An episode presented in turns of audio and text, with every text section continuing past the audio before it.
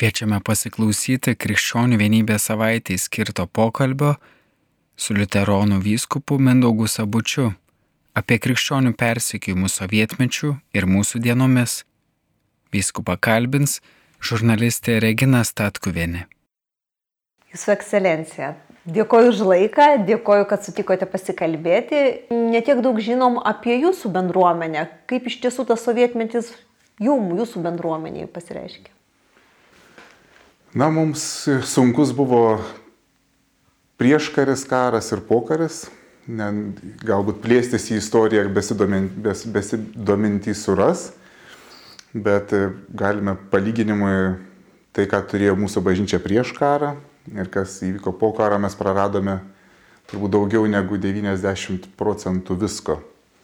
Kunigų, parapiečių ir, ir parapijų, tai nuostoliai buvo, buvo milžiniški ir iš kelių dešimčių kunigų po karo liko šeši.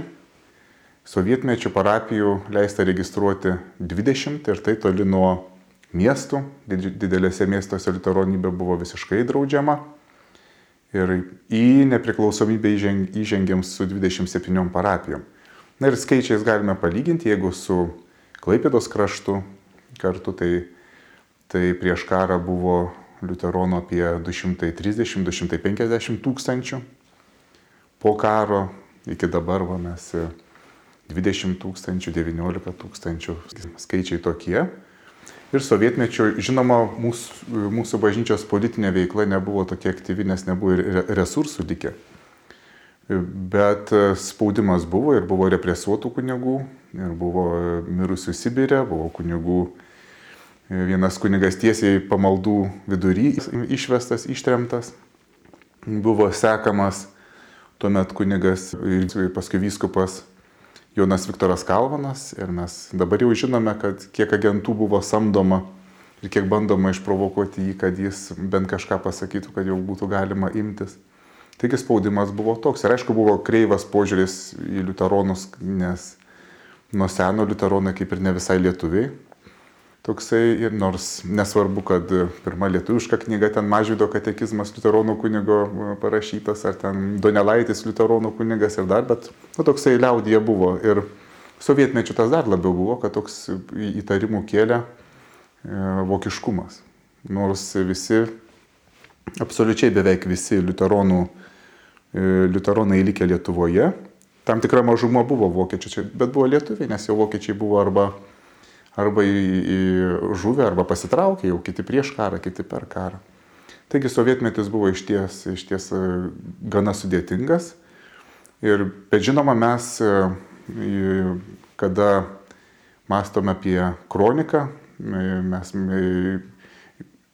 kada prisimename Romos katalikų bažnyčios aktyvius žmonės, kankinius, represuotus, kalintus, tai mes prisimename su dideliu dėkingumu Nes ta laisvė, kurią mes turime, tokia maža bažnyčia, maža bendruomenė, mes, e, bent aš, bent aš asmeniškai, aš tikrai labai, labai dažnai ir nebūtinai kažkur viešumoje, tačiau taip širdį Dievui padėkoju už to žmonės, kurie nebijojo tikėti ir savo tikėjimą liudyti iki galo, grėsmės akivaizdoje. Ir jie tą padarė e, ne tik dėl savęs, ne tik dėl savo bažnyčios, bet ir dėl tokių dėl kitų tokių mažesnių bažnyčių ir, ir šiaip dėl visų Lietuvo žmonių.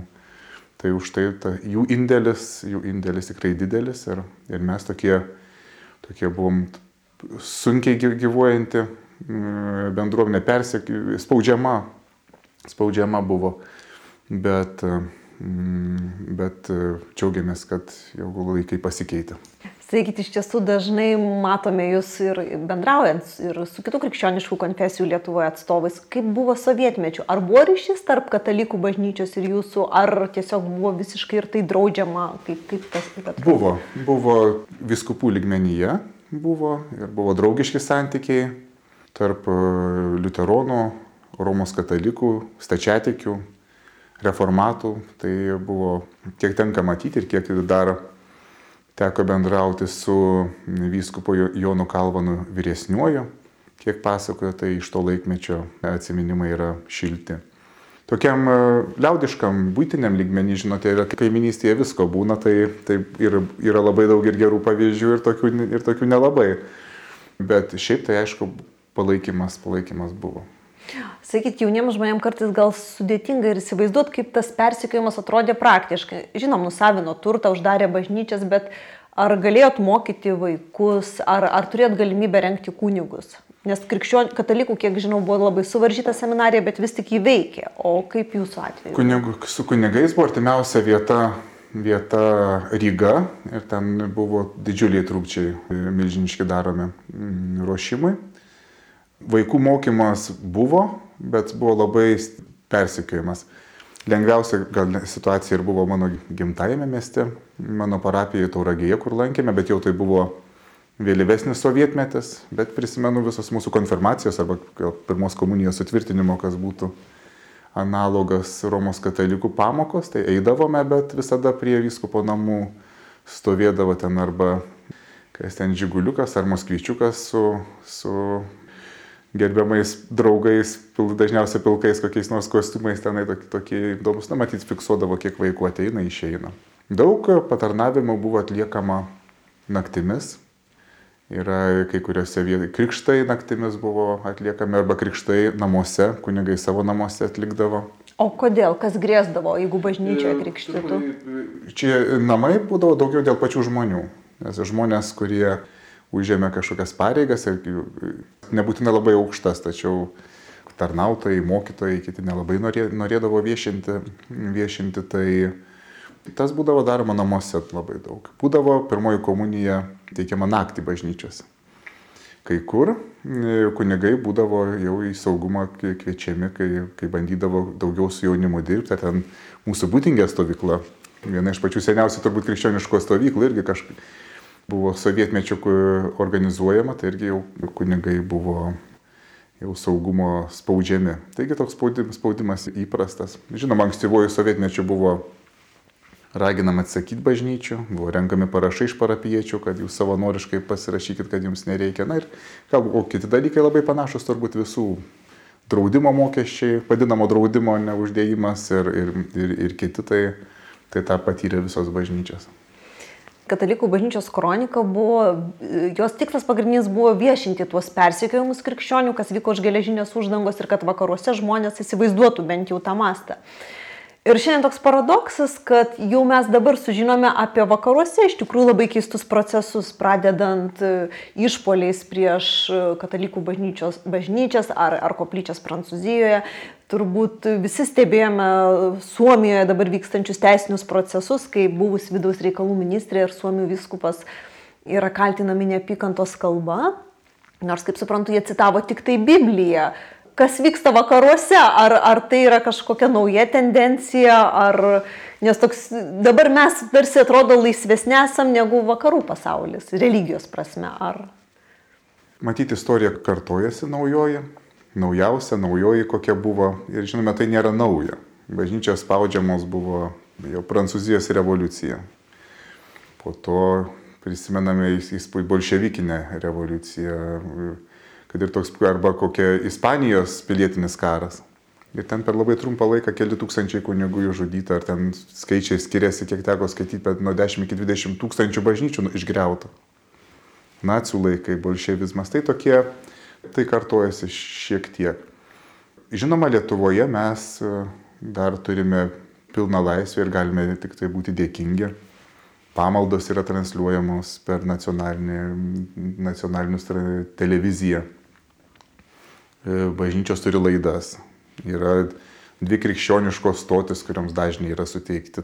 Taigi šiaip turime pakankamai daug laisvės ir, ir skūstis negalime. Tačiau, žinoma, kai kurios tendencijos jau atsiranda, tokios turbūt per tam tikras institucijas, kada, kada jau pradedama tirti, ar tai buvo neapykantos kalba ar nebuvo. Bet daugiausia žmonės turbūt dabar patiria jau Lietuvoje, kas yra atėję tai tokiame kasdienėme gyvenime tai tikrai didelius išbandymus krikščionis patiria mokyklose, savo darbovietėse ir, ir kitur, kai bando, netgi nebando, jau užtenka, kiti ir sako, užtenka pasakyti, kad esi krikščionis, tu jau tarytum patenki į tam tikrą jau kitą kategoriją žmonių, žmonių akise. Kunigams yra lengviau. Mes esame kaip ir tam pašaukti tarnystėje, čia esame ar čia patinka, nepatinka kažkas, jau niek, mums tiek daug, gal nėra taip svarbu, tačiau štai parapiečiams, įvairių krikščioniškų konfesijų šeimoms, tai yra labai didelis išbandymas. Ir aš gaunu žinutės, kai kada ir iš verslininkų sakome, palaikome ten ir ten, va, kai, kai buvo ten Mano transliacija ten kažkur ištrinta arba ten, kai, kai valstybinės įstaigos ten kažkokius tyrimus pradėjo dėl, dėl neapykantos kalbos. Atsiprašau, jūsų transliacija buvo ištrinta. Iš, iš, YouTube, iš YouTube kanalo buvo skundžiama, ten buvo. buvo o, sakyt, kokiu pagrindu? Dėl neapykantos kalbos. Bet ta neapykantos kalba, aš suprantu, kad tai yra raginimas neapykanta, kai tu ragini su kažkuo susidoroti. Tai mums krikščionims taip atrodo, o, o pasaulyje, matyt apibendrinant, kas vyksta ir, ir vakaruose. Sakau, Lietuvoje dar yra toks, mes dar tikrai gyvename gerai ir aš ne, negalime, gal jaučiame jau, kad tendencija kažkokia yra, kuri gal, galbūt įsibėgės. Bet bendrai e, visuomeniai yra pasikeitę argumentavimo principai. Ir kur krikščionybė yra, ne tik krikščionybė, aš manau, daugelis žmonių, netgi nekrikščionių turėtų būti sudėtinga, nes iš loginių argumentų. Arba nuo loginio argumento, nuo kažkokio pagrindimo pereinama prie emocijų. Kaip kas jaučiasi. Ir visa neapykantos kalba tada jau tave galima apkaltinti, kad kažkas pasijuto blogai. Ir iš vienos pusės krikščionys yra e, kaltinami, kad kažko tiki, na bendrai. Jeigu tu esi krikščionisgi niekas neargumentuoja, kodėl tu esi kvailas arba blogas. Tiesiog nesąmonė. Krikščionių pykstama, kai kai krikščionis suabejoja teiginiu, kad, kad ten lytis neturi jokių biologinio ten atspindžio. Na, irgi daug tokių teiginių turime visuomenėje, kurie yra tokie ezoteriniai ir pagristi tikėjimu. Ir kad žmogaus emocija, jo įsivaizdavimas, kaip jisai jaučiasi, yra pagrindas visko visai visuomeniai apie jį spręsti. Ar jis jaučia savo ten tapatybę tokią, ar jis, jeigu, jeigu jis pasijuto blogai, tai vadinasi, tas, kas kalba arba skelbia, pasijunta blogai tenka pastebėti, kada, kad, kada apie krikščionės blogai kalbama, tai iš karto yra a priori tokia nuotaika, kad krikščionės nepasijus blogai, kad krikščionių šeimose neauga vaikai, kurie gali pasijusti blogai, kai iš jų tyčiojamas arba iš tėvų ir mamų tyčiojamas. Ir tai yra, už tai bet ką galima pavadinti dabar neapykantos kalba, bet tai vėl nėra nauja. Prisimename ir sovietmetį šiek tiek, ir, ir, ir ir kitus laikus, kada, kada ideologijos tokios sudėtingos persekiodavo, tai visada persekiodavo krikščionys dėl to, kad jie kažką blogai sako. O Biblija iš tiesų kalba blogai, labai daug. Ir man ir ji rodo į mūsų nuodėmės. Ir mes krikščionys, na ką mes galim padaryti. Ir man, ir man nepatinka, kai, kai, kai aš skaitau arba girdžiu ir kaip man atsiskleidžia mano paties širdies minčių turinys, kuris na, pasijunti, kad esi smerkiamas Dievo. Bet kartu Biblija ir Dievo žodis ir kviečia į, į, į atgailą. Ir tas pats kryžius jisai nėra gražus. Tai yra smurtas, yra nužudytas žmogus, kurį mes, ką mes garbinam, nužudytą žmogų ant kryžiaus prikaltą. Tai irgi nėra, tai gali užgauti, užgauti kažkieno, bet tai yra mūsų toks tikėjimas ir mes jo išsižadėti niekaip negalime ir neketiname. Gali būti, kad yra žmonių, krikščionių, kurie yra uolus krikščionis ir kurie galbūt turi tam tikrų kažkokių polinkių, kurie ne visiškai bibliški yra. Ir kenčia nuo to. Galbūt gali būti. Ir taip yra turbūt. Ir galbūt yra noras, noras jų, kad bažnyčiai atsirastų tokia vieta ar terpė na, kažkaip, kažkaip pagrysti ar gyvenimo būdą, ar, ar, ar tam tikrus polinkius. Ir jos galima, nu, troškimas vis tiek nori, kad kažkoks tai būtų pagrindimas, bet mes negalime Biblijos perrašyti. Ir su dideliu liūdėsiu kartais reikia susidurti su tokiam situacijom, bet na, supranti, kad žmonėm liūdna, kartais šeimai liūdna. Vat, kodėl bažnyčia taip sako, kaip, kad ten sunus arba tukra yra, yra ten tam tikros orientacijos ir ta kalba tada gali atrodyti smurtinga, bet mes ne, negalime pakeisti. Ir krikščionis mes nekūrėme gerojaus žemėje, mes kalbam apie amžinybę. Ir, ir, ir Dievas mums kalba, kad e, mūsų laukia amžinybė, kokia ta amžinybė bus, priklausys nuo to, kaip mes, kaip mes ten nueisime. Mes negalime pasakyti ten, kur Dievas sako, kad yra nuodėme. Jeigu man tai nepatinka, aš na, negaliu, negaliu pasakyti, žinot, gal išbraukime, tai nebebus nuodėme, bus, bus gėris ir visi geriau jausimės. Tai būtų patogu, tačiau mes tame pažado neturime. Ir jeigu mes savo skelbimą kaip, kaip bažnyčios va, keičiame, tada kas mes esame. Ir kaip Bonhoferis, vienas žymiausių liuteronų, turbūt ir nacijų, nacijų kankinys ir pasipriešinimo dalyvis, jisai rašė apie, apie pigę malonę. Kokia yra pigi malonė, tai yra, jau citatos labai tiksliai negaliu, negaliu pasakyti, bet mes trokštame tokios pigios malonės, kada, kada jau komunija be išpažinties ten, arba atleidimas be atgailos, iš vis tikėjimas ten be Kristaus. Toks noras yra. A, bet ar galime ir ar Dievas mums suteikia tokią galę pakeisti jo žodį ir pakeisti jo valią? Ir čia žinoma toks ir Suomijos atvejais toksai, kada, kada buvo lankstinukas išleistas, aišku, labai seniai 2004 metais, tai čia keistenybė didžiausia turbūt yra, kur to, kokios senatys ar egzistuoja tame, arba pacituota nepatogi, nemaloni švento rašto vieta, nufotografuota įdėta, tampa tokiu pretekstu bylai. Yra parodomas dalykas, kai teisiami tokio rango žmonės. Įvairiausių gatvės ten pamokslininkų yra taip jau priteista, jau, ar, ne, ne, ar jeigu geras žodis, nuteista. Ir kunigų atskirų Europoje yra. Ir nukentėjusių, ir teisiamų, ir nuteistų. Bet aš suprantu, kad tie procesai vyksta ne, ne tik dėl to, kaip jūs sakėt, kad tas loginis argumentavimas tapo emociniu, bet dėl to, kad ir pasikeitė tam tikra įstatyminė bazė, atsirado, sakykime, nepykantos kalbos iš tiesų įstatymas.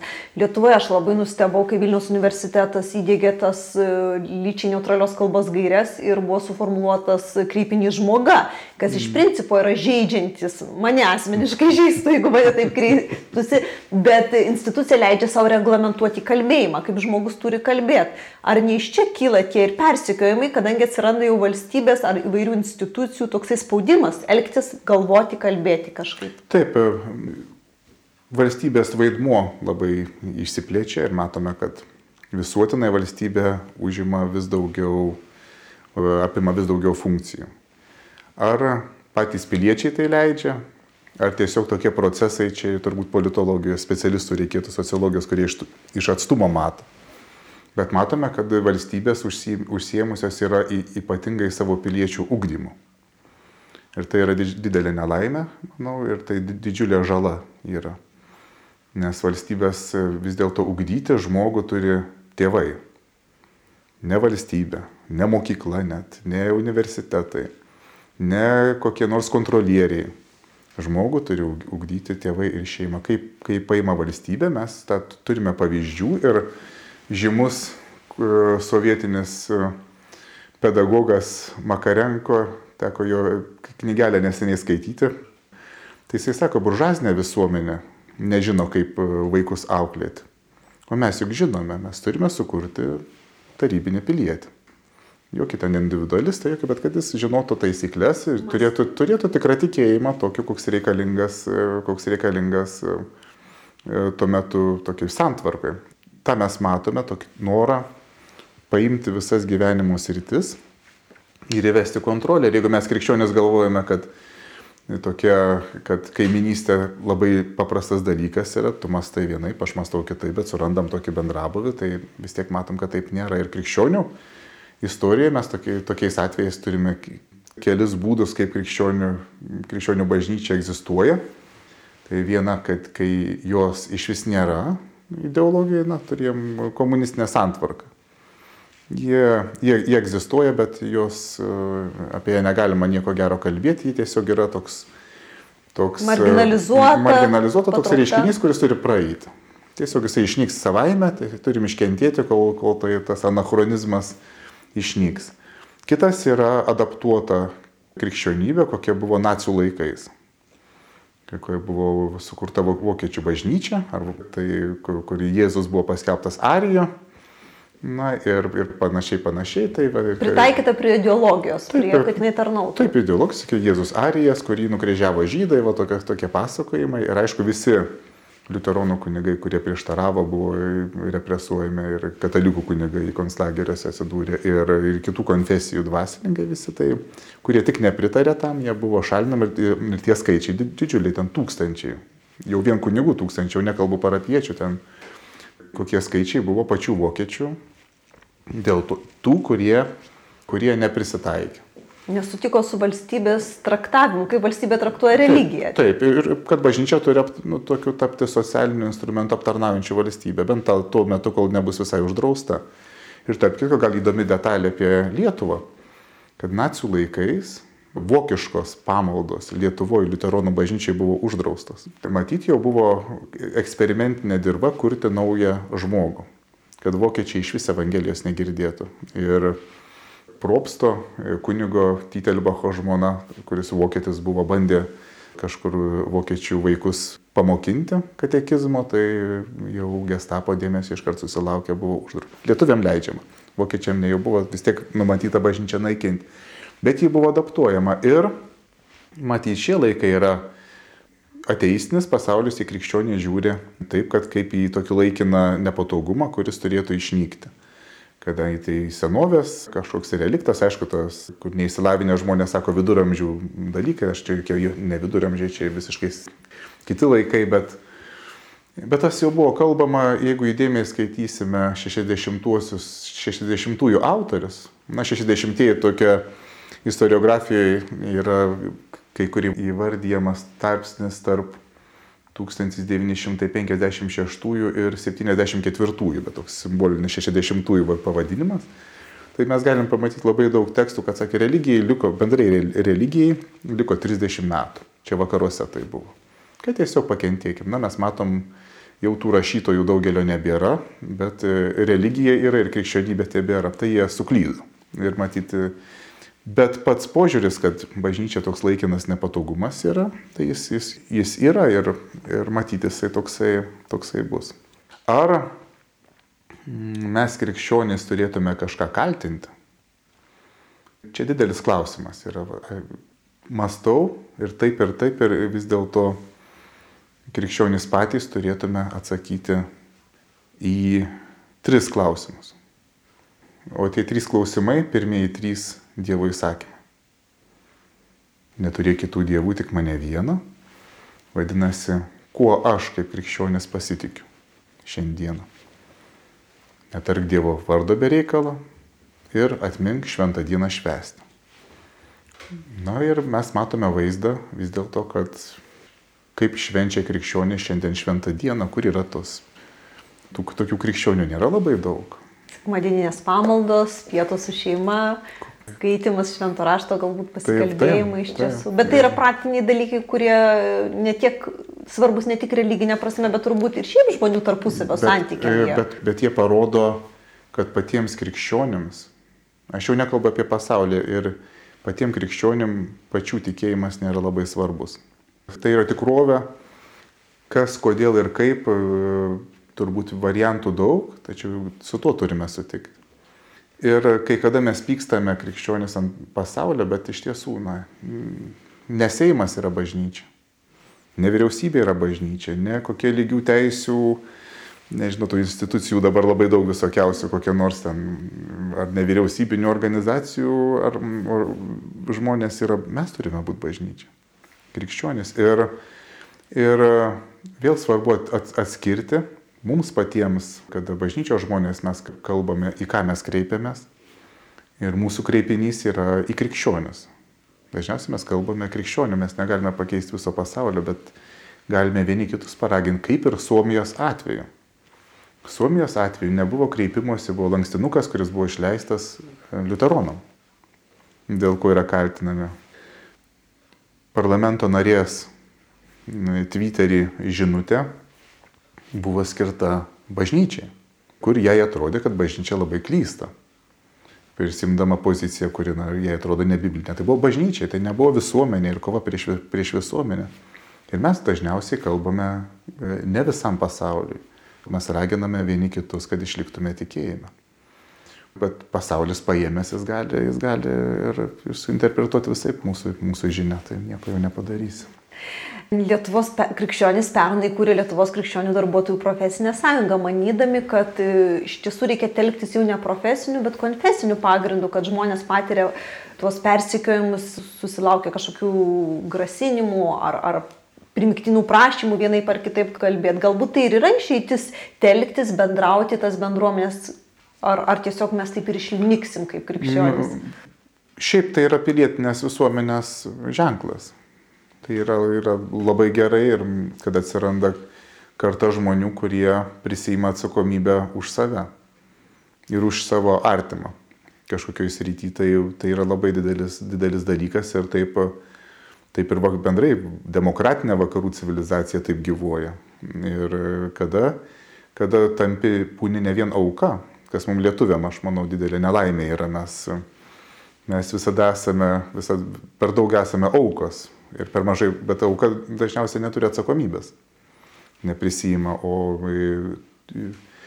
profesinė krikščionių, krikščionių darbuotojai, profesinė sąjunga, tai vėl tai yra prisėmimas atsakomybės ir už save, ir už kitus. Ir tada jeigu tu darai, ką galėjai padaryti ir nepavyko, tai yra, tai tu žinai, kad tu padarai kažką, bet, bet, bet tai yra žymiai geriau negu nedaryti nieko ir liūdėti kad koks pasaulis e, yra neteisingas, o likimas žiaurus. Tai, tai, tai Galų galia patiems nelikti šalia pasaulio, o dalyvauti taip, ir, taip. ir, ir kalbėti, ir, ir reikalauti atstovavimo, stengtis, kad būtume kol, atstovaujami. Kol pasaulis, e, kol pasaulis, kol mūsų konstitucijos ir įstatymai yra tokie, kurie teigia, kad yra žodžio laisvė, yra religijos išpažinimo laisvė, ne tik išpažinimo ir skelbimo laisvė, konstitucijos punktas sako, kad galima skelbti savo religinės pažiūras netrūkdomai.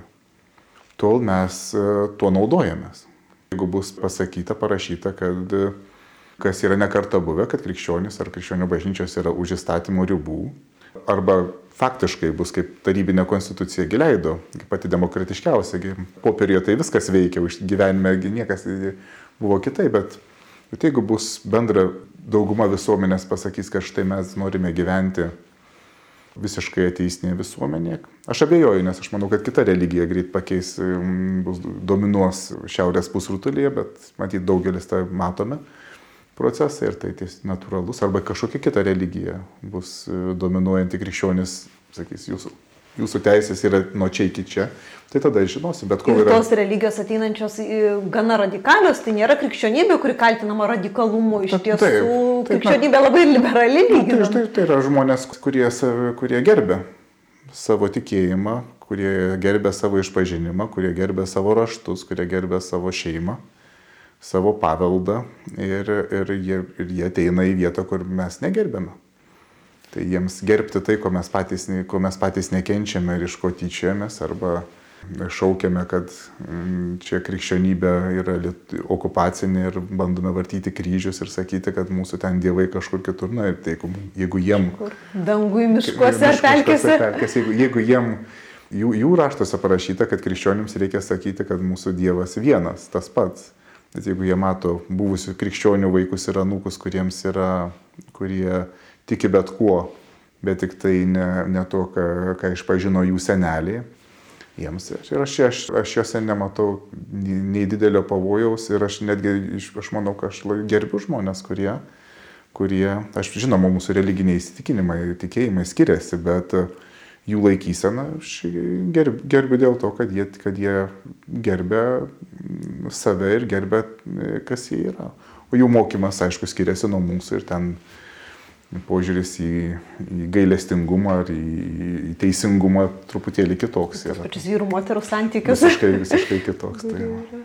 Sakykit, viskupė, kaip matot vis dėlto Lietuvos ateitį, nes iš tikrųjų tai yra geras laikas, prisimename ir kroniką, prisimename sovietmetį, lyginame su procesais, kurie vyksta dabartyje ir galbūt galime vis dėlto pasimokyti, pasidaryti kažkokias išvadas ir keliauti ateitį stipresni, nebūtinai susilpnėję. Žinot, Šiandien, būtent šiandien, kai e, apie ateitį kalbėti, tai turbūt pats sudėtingiausias reikalas yra, nes nežinom iš viso Europos ateities ir pasaulio, netgi kas rytoj gali įvykti.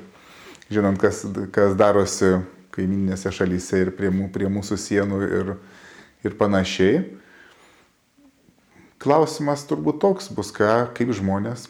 Yra 127 psalmė, kurioje aiškiai viskas pasakyta. Kad, kad jeigu Dievas nestato mies, namų, tai, tai veltui vargsta statytojai. Jeigu Dievas nesaugo miesto, veltui vargsta sargai. Niekas neapsaugos. Tai yra, yra nu, grėžimasis į Dievą, aš manau, pas didžiausias pagrindas ir ir krikščionim išlikti, išlikti krikščionimis, melsis už savo šalį ir prisiminti, kad mes esame pašaukti meiliai. Ir kai mus įskaudina kažkas, ar mums, mums nepatinka kažkokie dalykai, vėl ne, neužsidegti pyk, pykčiu, nes šito Dievas mums neleidžia. Ir Dievas neleidžia mums teisti. Jisai savo pasiliko šitą. Mes turime, kaip pirmieji krikščionys, ką jie darė, jie rodė meilę. Ir mes turime irgi tiesiog stengtis mokintis kasdieną, netgi pačiomis nepalankiausiamis sąlygomis meilę prisiminti. Žinoma, mes esame įskaudinti kai kada ir, ir ypatingai praėję, praėję metai turbūt parodė, kada, kada kunigai įvairiuose ir viešai, ir neviešai buvo, kada, kada ten nepritarė kažkokia idėja, nes aš nesakau apie tos, kurie ten beveik keikėsi, tai čia tiek to, Bet, bet ir aš asmeniškai vat, susidūriau su tokiu, kur, kur per vieną dieną lyg ir, lyg ir žmonėms, su kuriais, su kuriais kaip ir draugiški, ten tampi tamsuoliu juodas kverniu. Nors, nors tai atrodo lyginiai nuomonės keitėjai žmogus, kaip man atrodo, kad kokia bažnyčia buvo, tokia yra ir koks pats buvai, toks esi, bet staiga toks tam, tampi priešų. Nes tai, nesikeiti kartu su pasauliu. Nes, vat, arba va, kaž, kažką ne, nepritari kažkokiam va, vienam dalykui ir staiga. Ir aišku, yra toks iš vienos pusės liūdėsys, iš kitos vėl reikia prisiminti, kad už žmonės mes turime irgi melstis. Ir trokšti gero ir iš tos, kurie mums gerą trokšta, bet Jėzus sakė ir tuos, kurie, kurie blogą daro kurie blogai kalba, kurie galbūt ir nesupranta, ko mes tikime. Bet jeigu mes e, Kristaus patys tokių širdinį nešiojam ir patys Dievo meilės netausojam ir jie nesidalinam, iš kur pasaulis sužinos. Iš vienos pusės yra teisingumas tam tikra, kur, kur yra tam tikra ir kova, iš tos pusės vis dėlto meilė turi būti krikščionio ženklas ir, ir pasitikėjimas Dievu, supratimas, kad Kristuje mes turime, mes esame Dievo, dievo vaikai ir patys kaip žmonės esame ir patys ir silpni, ir dažnai ir pavargstame, ir dažnai patys būname neteisūs. Ir turime išmokti atleisti, bet tvirtai laikytis to, to tikėjimo, kuris, kuris nuo kažkada nuo Betlėjaus laukų buvo paskelbtas, kad garbė Dievo aukštybėse, o žemėje ramybė jo mylimiems žmonėms, štai jums gimė išganytojas. Tai, tai to, tos, to, kas įvyko ant Golgotos kalno, kad Dievas tapė žmogumi mūsų nuodėmės atpirko už mus numirė, mes tą turime branginti. Ir jame yra viltis ir prisiminti, kad kas be būtų, kad Kristus yra gyvas, kaip kažkuris iš, iš vieno vienolyno rytų tenai tokių senolių, jis visus metus kartodavo, ne tik per Velykas, kad Kristus prisikėlė nuo ryto iki vakaro, bet ką sutikęs. Tai, tai, o jame, na, jame yra didžiulė viltis ir, ir mes tokia šviesoje turime laikytis, manau.